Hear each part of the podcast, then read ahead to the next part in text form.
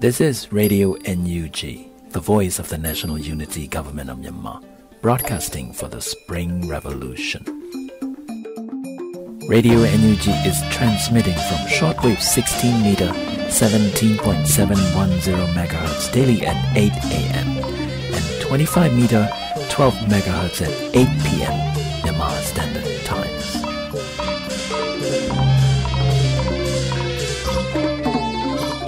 လာပါခင်ဗျာအမျိုးသားညီညွတ်ရေးအစိုးရရဲ့အသံလွှင့်ဌာန Radio NUG ကိုမနေ့၈နာရီမှာလိုင်းဒိုမီတာ16မီတာ19.87 MHz ညဘက်မှာလိုင်းဒိုမီတာ25မီတာ17 MHz တို့မှာတိုက်ရိုက်ဖမ်းယူနားဆင်နိုင်ပါပြီမင်္ဂလာအပေါင်းနဲ့ပြည့်စုံကြပါစေခုချိန်ကစပြီး Radio NUG အစီအစဉ်လေးကိုတိုက်ရိုက်အသံလွှင့်ပေးနေပါပြီ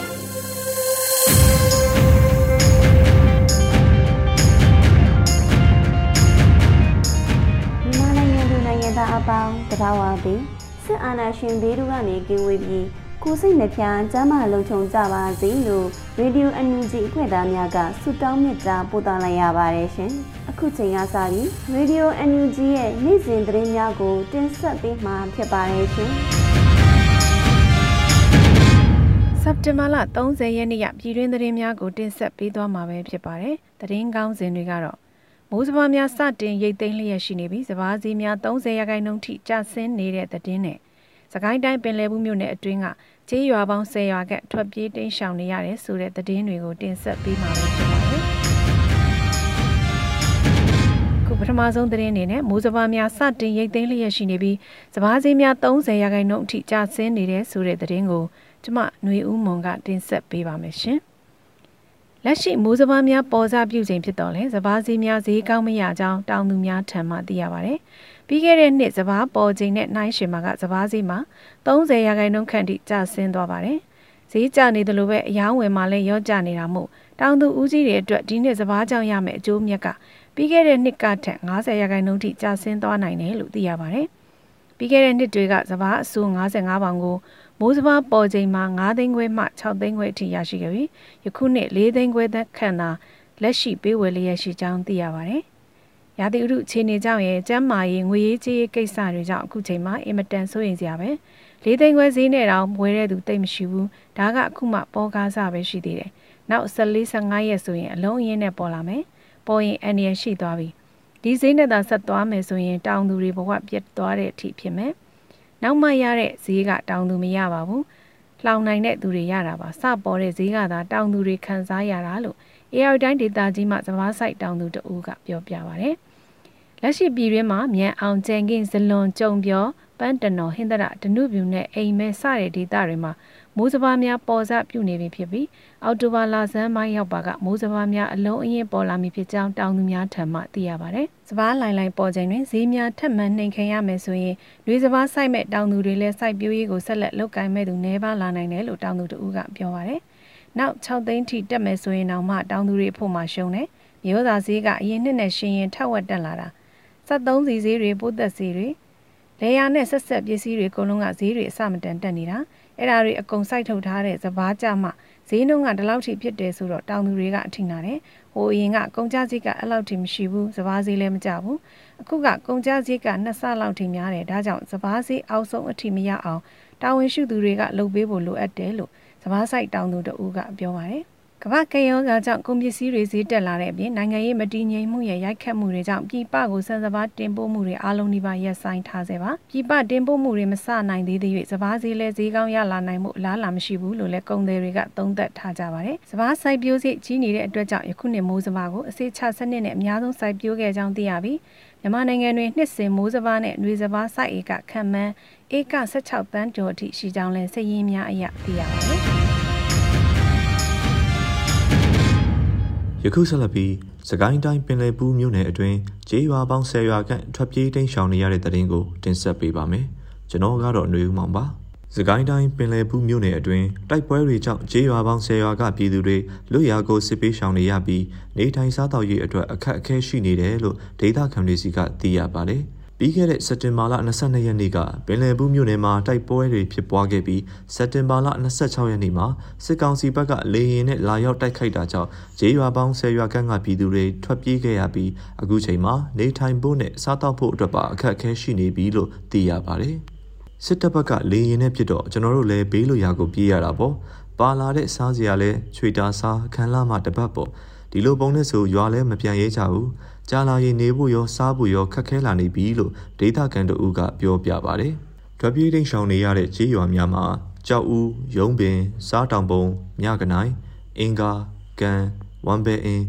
နောင်မူ၊နောင်ရင်၊ဂျိုးကြဝင်းစသည့်ကြေးရွာများဖြစ်ကအစိုးပါကြေးရွာဆယ်ရွာအနက်ဝမ်ဘဲအင်း၊အင်္ဂါ၊နောင်ရင်၊နောင်မူ၊ဂျိုးကြဝင်းစားတောင်ပုံကြေးရွာတွေဟာရွာလုံးကျွတ်ထွက်ပြေးတိမ်ရှောင်နေရတယ်လို့သိရပါတယ်။ အခုတိန့်ရှောင်နေရတဲ့ရွာတွေကတရွာကိုအင်ချီ400ဝန်းကျင်လောက်ရှိတယ်။တိုက်ပွဲဖြစ်ပြီးနောက်ပိုင်းရွာတွေကိုတပ်တွေကစခန်းလာချထားတော့ရွာသားတွေကမနေရကြဘူး။အခုတလောဖုန်းလိုင်းတွေလည်းဆက်သွယ်ရအခက်ခဲတယ်။အခုညီတောင်းဖို့ကလည်းတိုက်ပွဲကြဘယ်သူမှလာရဲမှာမဟုတ်ဘူးလို့သူကပြောပါတယ်။လက်ရှိအချိန်တွင်စားတာမုံချေးရွာမှစက်တင်ဘာလ25ရက်နေ့ကနေစပြီးစစ်ကောင်စီတပ်မှစစ်အင်အား900ဝန်းကျင်ခန့်နဲ့အခိုင်အမာတပ်ဆွဲထားတယ်လို့သိရပါတယ်။ ပင်လယ်ဘူးမြို့နယ်အတွင်းတိုက်ပွဲကြောင့်ထွက်ပြေးတိမ်းရှောင်နေရတဲ့ဂျေးရွာပေါင်း10ရွာခန့်ရှိခဲ့ပေမဲ့လည်းတိမ်းရှောင်နေရတဲ့အိမ်တော်စုစရင်နဲ့လူဦးရေစရင်တိတိကျကျရရှိရန်ခက်ခဲနေဆဲဖြစ်ပါတယ်။မြေပြင်အခြေအနေတော့တိတိကျကျမရနိုင်ဘူး။ဒေတာခံတွေကလည်းတော်တော်ဒုက္ခရောက်နေကြမှာသိကြတယ်။အခြားနေရာတွေကလိုထောက်ပံ့ပေးမဲ့အလူရှင်လည်းမရှိဘူး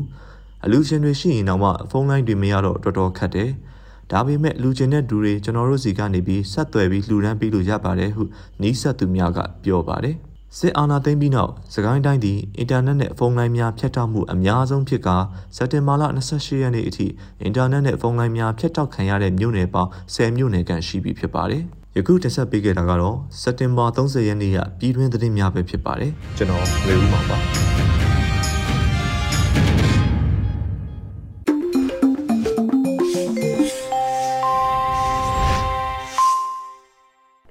အခုဆက်လက်ပြီးပြည်သူတိုက်ပွဲသတင်းများကိုတင်ဆက်ပေးမှာဖြစ်ပါတယ်ရှင်။ပထမဆုံးတင်ဆက်ပေးမှာကတော့ဂံကောမှာစကားဆရင်နဲ့မိုင်းဆွဲတိုက်ခိုက်ခံရတဲ့သတင်းမှာ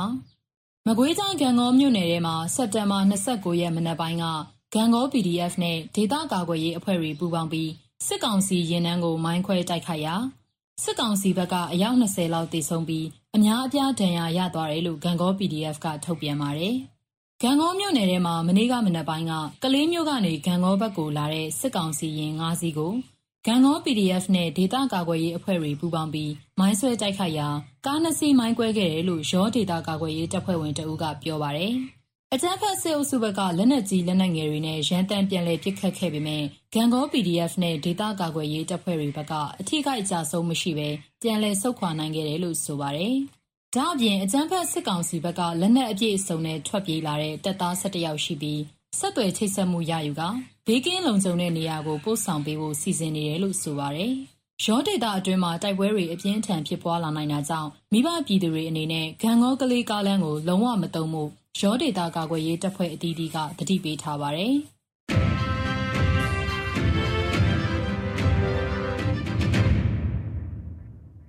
ဆက်လက်ပြီးမိုးပြဲ420တရင်ကိုမိုးပြဲ PDF နဲ့ KNDF တို့ပူးပေါင်းတိုက်ခိုက်ခဲ့တဲ့တဲ့ရင်ကိုတင်ဆက်ပေးပါမယ်။စက်တင်ဘာလ29ရက်ညနေတနာရီခန့်တွင်မိုးပြဲ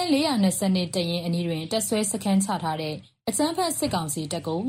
MBPDF နဲ့ KNDF VO3 တို့ပူးပေါင်းပြီးထပ်မံတိုက်ခိုက်ခဲ့တာမှာတိုက်ပွဲကြာမြင့်ချိန်2နာရီအတွင်းအပြန်အလှန်ပစ်ခတ်မှုပြင်းထန်ခဲ့ပြီးအကြမ်းဖက်စစ်တပ်မှလက်နက်ကြီးဖြင့်အဆက်မပြတ်ပစ်ခတ်ခဲ့ပေမဲ့ ပြည်သူတောင်ယာစိုက်ခင်းများတွင်သာကြာရောက်ခဲ့ပြီး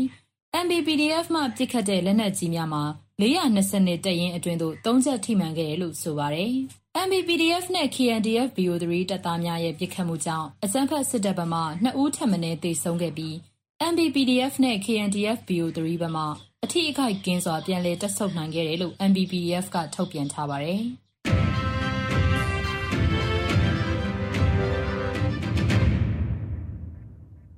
ဆက်လက်ပြီးဒီပဲရင်ကလုံတပ်ဖွဲ့ရဲ့မိုင်းဆွဲတိုက်ခိုက်မှုကြောင့်စစ်ကောင်စီတပ်ဖွဲ့တွေထိခိုက်ဒေဆုံးခဲ့တဲ့တဲ့ရင်ကိုတင်ဆက်ပေးပါမယ်။စက်တင်ဘာ29ရက်နေ့မနက်ပိုင်းကမုံရွာဘက်ကနေရေဦးကိုတက်လာတဲ့စစ်ကောင်စီကားတန်းကိုဒီပဲရင်ကလုံတပ်ဖွဲ့နဲ့ပူးပေါင်းတပ်ဖွဲ့တွေက၃ချိန်တိတိမိုင်းဆွဲတိုက်ခိုက်ခဲ့ပါတယ်စစ်ကောင်စီကားတွေဟာလမ်းခရီးတစ်လျှောက်ကားလဲစီးတာလူသားတိုင်းကာပြီးဆက်လက်ချီတက်တာတွေလုပ်ခဲ့ပေမဲ့ဂလုံတပ်ဖွဲ့တွေဟာပြည်သူကိုမထိခိုက်အောင်တတိထားတိုက်ခိုက်ခဲ့တယ်လို့သိရပါတယ်။ ဒီလိုသုံးစိန်တိုက်ခိုက်မှုကြောင့် စစ်ကောင်စီက၃စီးထက်မနည်း ထိခိုက်ခဲ့ပြီး အကြအဆုံးတွေလည်း ရှိခဲ့တယ်လို့ ဒေသခံတအုပ်ကအတည်ပြုပါတယ်။ဒီပဲရင်ဂလုံ တပ်ဟာ အဖွဲ့ဝင်900ကျော်နဲ့ ဖွဲ့စည်းထားပြီး အနီးအနားက ဒေသကာကွယ်ရေးအဖွဲ့6ဖွဲ့နဲ့လည်း မဟာမိတ်ပြုလုပ်ထားပါတယ်။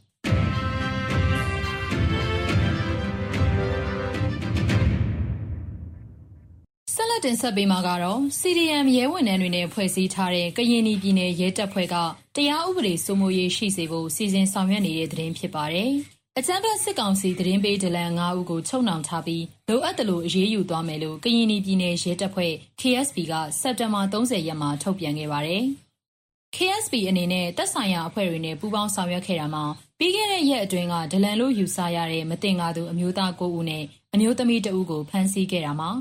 စစ်ဆေးမိမြန်ပြီးနောက်တက်သေးအထောက်အထား ခိုင်လုံမှုရှိတဲ့ ၅ ဦးကို ချုပ်နှောင်ထားတာလို့ ဆိုပါတယ်။ အမျိုးသားလေးဦးနဲ့ အမျိုးသမီးတဦးတို့ကတော့တက်သေးအထောက်အထား ပြည့်စုံခိုင်လုံမှုမရှိလို့တက်ဆိုင်တဲ့ မိသားစုတွေစီကို ကောင်းမွန်စွာ ပြန်လည်လွှဲပြောင်းပေးခဲ့တယ်လို့လည်း ထုတ်ပြန်ခဲ့ပါတယ်။ကျန်တဲ့မတင်ငါသူ ၅ ဦးနဲ့ ပတ်သက်ပြီးတော့ ကရင်ပြည်ရဲဌာနက လိုအပ်တယ်လို့ဆက်လက် အရေးယူ ဆောင်ရွက်သွားမှာ ဖြစ်တယ်လို့လည်း ဖော်ပြထားပါတယ်။ကရင်ပြည်နယ် ရဲတပ်ဖွဲ့အနေနဲ့ ရာဇဝတ်မှုနှိမ်နင်းရေး၊ရင်းစားကယ်ဆယ်ရေး၊လူမှုလုံခြုံရေး၊မှုကင်းတဲ့ ရုံးအဖွဲ့ထောက်လန်းရေး စတဲ့လုပ်ငန်းတွေမှာ သက်ဆိုင်ရာတွေနဲ့ ပူးပေါင်းဆောင်ရွက်နေတယ်လို့ အသိပေးထားပါတယ်။ KSP ကိုကရင်ပြည်နယ်အတိုင်းအခံကောင်စီရဲ့နိုင်ငံရေးဥဆောင်မှုအောက်မှာဖွဲ့စည်းထားခြင်းဖြစ်ကြောင်းဩဂုတ်25ရက်မှာထုတ်ပြန်ကြေညာခဲ့ပါတယ်။ဒီလိုဖွဲ့စည်းရမှာစစ်အာဏာသိမ်းမှုကိုဆန့်ကျင်ပြီးအာဏာဖီဆန်ရေးလှုပ်ရှားမှု CDM ပြုလုပ်ထားတဲ့ရဲဝန်ထမ်း300ကျော်နဲ့ဖွဲ့စည်းထားတာဖြစ်ပါတယ်။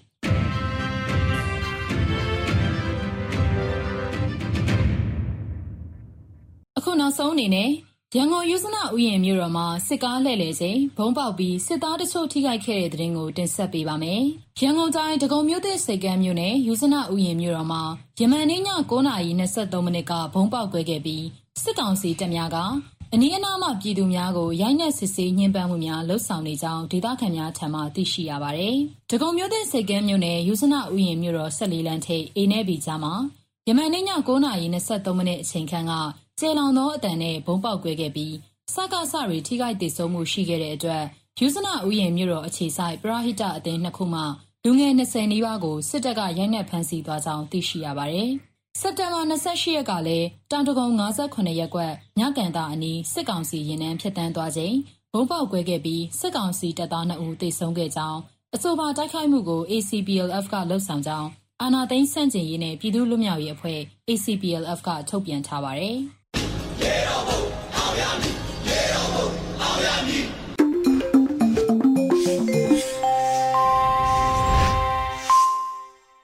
ဆက်လက်ပြီး Radio NUG ရဲ့တည်တချင်းကဏ္ဍမှာတေးရေးပရတေးဆူမေတေးဖြူဂီတာမူရဲထအောင်မုံရွာတို့ရဲ့တပေါင်းမကျော်မီဒေါင်းပြော်မီဆိုတဲ့တခြင်းကိုခန်းစားနားဆင်ရမှာဖြစ်ပါတယ်ရှင်။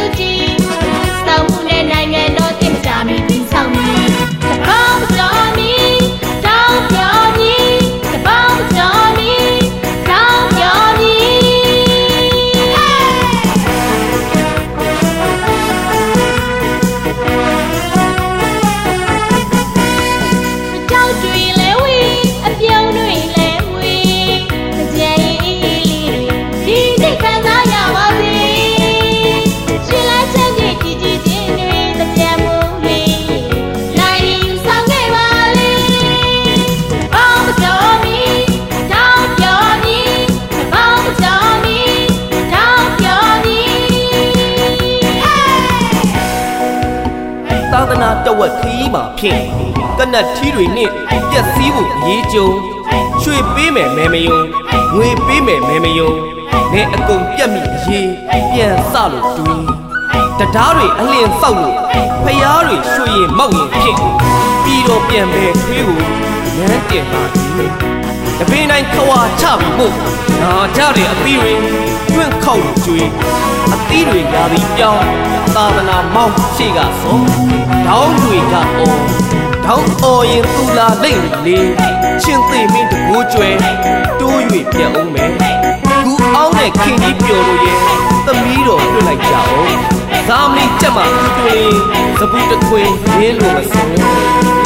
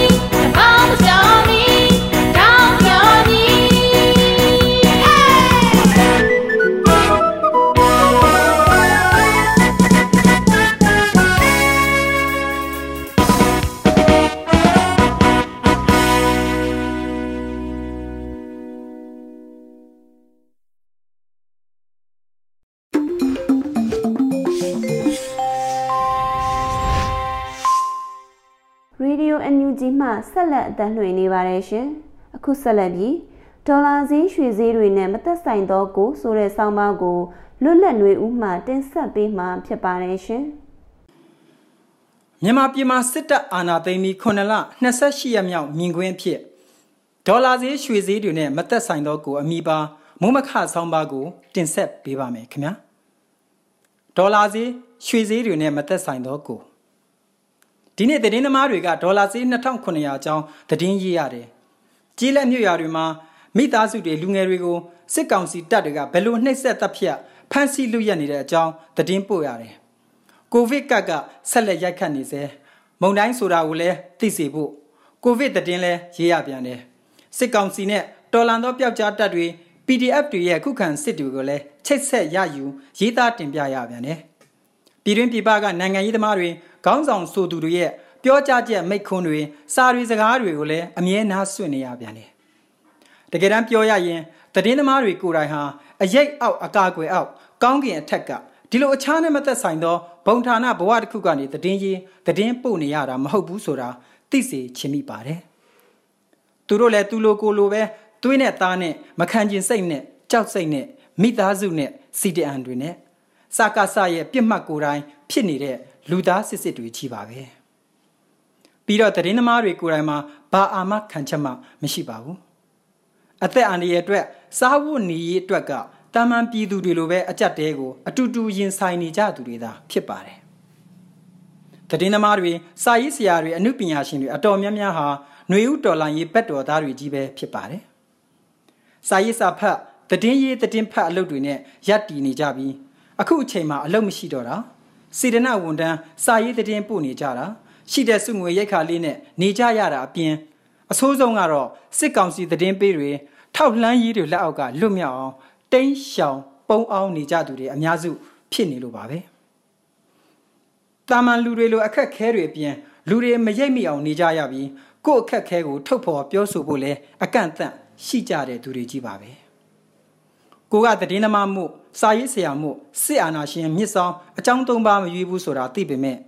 ပတ်ဝန်းကျင်ကလူတွေကိုနားလည်အောင်ပြောပြဖို့ခက်ပါတယ်ဒီတော့ကိုတုတ်ထကိုဖြည့်ရှင်းနေကြသူတွေသာဖြစ်ပါတယ်စစ်ကောင်စီကတည်င်းရလို့တော်နီမီ PDF တွေ CDN တွေအလူငွေထောက်ပံ့နေသူတွေကိုလိုက်ရှာလိုက်ဖမ်းပြီးဆိုရင်လဲသတင်းသမားတွေစာသမားတွေလည်းအထုပ်ပြင်ပြီးရှောင်ကြတိန်းကြရတာပါပဲ သူတို့ဖုန်းတွေကွန်ပျူတာတွေတဲကအဖို့တန်သတင်းတွေအချက်လက်တွေဟာရန်သူလက်ထဲမရောက်ဖို့သူတို့လည်းအသက်နဲ့ရင်းပြီးစောင့်ရှောက်ကြရပါတယ်မတော်တဆစစ်ဆေးခံကြရရင်တည်င်းသမားစာသမားတွေလက်ထဲကတည်င်းအချက်လက်စာတွေဆောင်းပါးတွေဟာသူတို့အသက်ကိုပြန်ချင်းချောက်နေတဲ့တက်သေးတွေပြန်ဖြစ်ကုန်ကြမှာပါဒီကြားတွေကတည်င်းသမားစာသမားတွေဟာသူတို့အလုတ်သူတို့လုံနေကြတာဖြစ်ပါတယ်ဘယ်သူမှမခိုင်းလဲလုံနေကြတာပဲ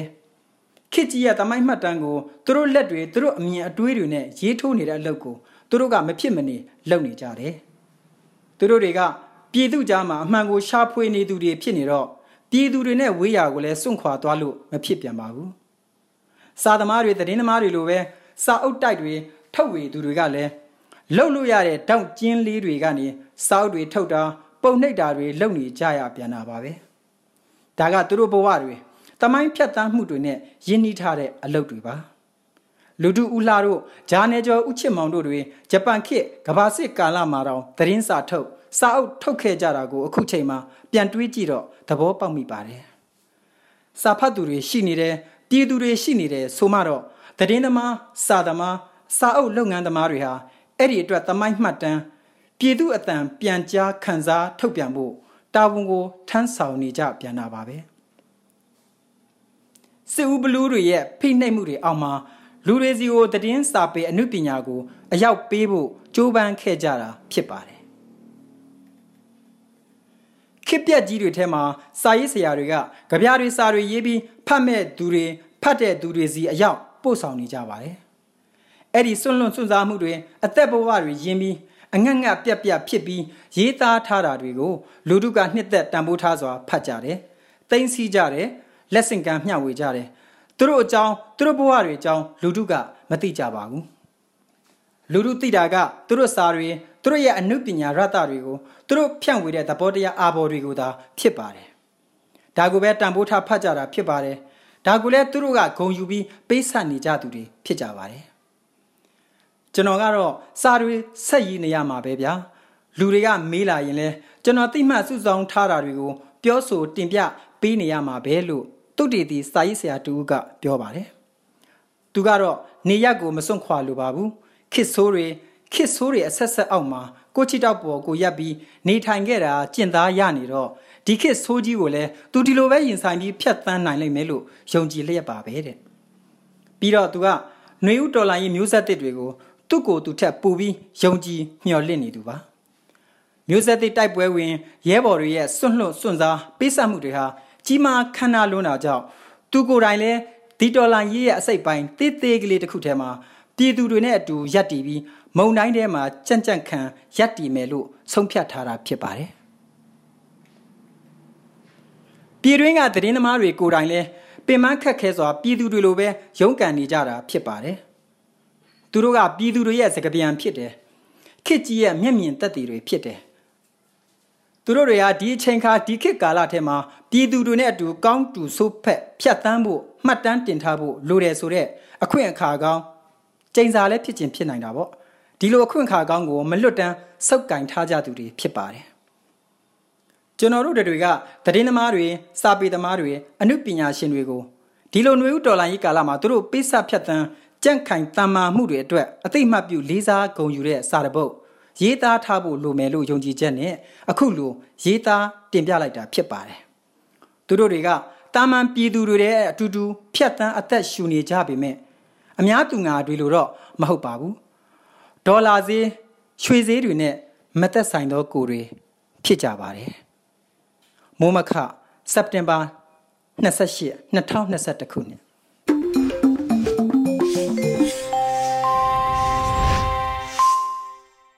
ရေဒီယိုအန်ယူဂျီမှဆက်လက်အသံလွှင့်နေပါတယ်ရှင်။အခုဆက်လက်ပြီး ကြည်ဟိန်ရေးသားထားတဲ့မင်းကိုနိုင်မှပြည်သူတီးဆိုတဲ့ကြပြကိုကြည်ဟိန်ကိုယ်တိုင်ခန်းစားတင်ဆက်ပေးမှာဖြစ်ပါတယ်ရှင်မင်းကိုနိုင်မှပြည်သူတီးနေရောင်မမျောစီးစာမကြည့်တို့တိုင်းပြည်အတွက်တို့ရှိသည်ကိုခန္ဓာမှာအနာပြည်ရှိက တတိရှိရှိဖောက်ထုတ်မည်လက်ချောင်းတီပုတ်ဖြတ်ထုတ်တဲ့ကလက်ဖြန့်ယူကဖြတ်ထုတ်မည်ဒူးကောင်းတီပုတ်ဖြတ်ထုတ်တဲ့ကပေါင်တန်ယူကဖြတ်ထုတ်မည်စင်စစ်တိုက်လျင်စစ်ကိုနိုင်သည်မင်းကိုနိုင်မှပြည်သူဒီ တောင်ကြီးမှာလဲရန်ဦးတယ်တောင်ပေါ်မှာလဲလေးများရွယ်တိုင်း၌ပြည်ဝဲစုယုံတိုက်ပါမှရေးသားဘဝတွေအောင်မြေမှာပန်းထိုးမယ်ဘာကိုတောင့်တဘာလို့ဆောင်မလဲအနောက်ကိုမမျောအရှိမမျောပဲတယောက်ဖြူနိုင် တယောက်ကိုဖြူမယ်တစ်ဖွဲ့ဖြူနိုင်တစ်ဖွဲ့ကိုဖြူမယ်ဘာကိုကြောက်ကြဘာလို့ဆောင်လဲတီတုညက်နာညက်နှစားမှာနေရက်တိုင်းမှာရက်ရာစာတီညနဲ့တိုင်းမှာလာမင်းပါလို့ချီယာစစ်ကြောင်းပြည်သူပေါင်း၍တိုက်ရာစစ်ကြောင်းပြည်သူပေါင်း၍ ခိုရာစစ်ကြောင်းပြည်သူပေါင်း၍ထောင်းထောင်းဝကြည်တောင်းခြေကုန်ခုတ်ကျမ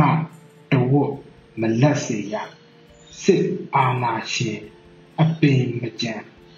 ရိုးစိမချမ်းအမြစ်ကကြော့စစ်ခွေးကြော့အောင်တိုက်ထုံကြည်ဟိဖြစ်ပါတယ် ဒီကနေ့တော့ဒီညနဲ့ပဲ Radio NUG အစီအစဉ်လေးကိုကိတ္တရန်နာလိုက်ပါမယ်မြန်မာစံတော်ချိန်မနေ့၈နာရီညနေ၈နာရီတို့မှာပြန်လည်တွေ့ဆုံကြပါစို့ Radio NUG ကိုမနေ့၈နာရီမှာ flight meter 16 meter 19.87 MHz ညဘက်မှာ flight meter 25 meter 12 MHz တို့မှာတိုက်ရိုက်ဖမ်းယူနားဆင်နိုင်ပါပြီ။မြန်မာနိုင်ငံသူနိုင်ငံသားများ ကိုစိတ်နှပြချမ်းမာချမ်းသာလို့ဘေးကင်းလုံခြုံကြပါစေလို့ Radio NUG အဖွဲ့သူဖွဲ့သားများဆုတောင်းပေးလိုက်ပါတယ်။အမျိုးသားညီညွတ်ရေးအစိုးရရဲ့ဆက်သွယ်ရေးသတင်းအချက်အလက်နဲ့ဤပညာဝန်ကြီးဌာနကထုတ်လွှင့်နေတဲ့ Radio NUG ဖြစ်ပါတယ်။ San Francisco Bay Area ခြေဆိုင်မြန်မာမိသားစုများနဲ့နိုင်ငံတကာကစေတနာရှင်များလုံအားပေးများရဲ့ Radio NUG ဖြစ်ပါတယ်။အရေးတော်ပုံအောင်ရမည်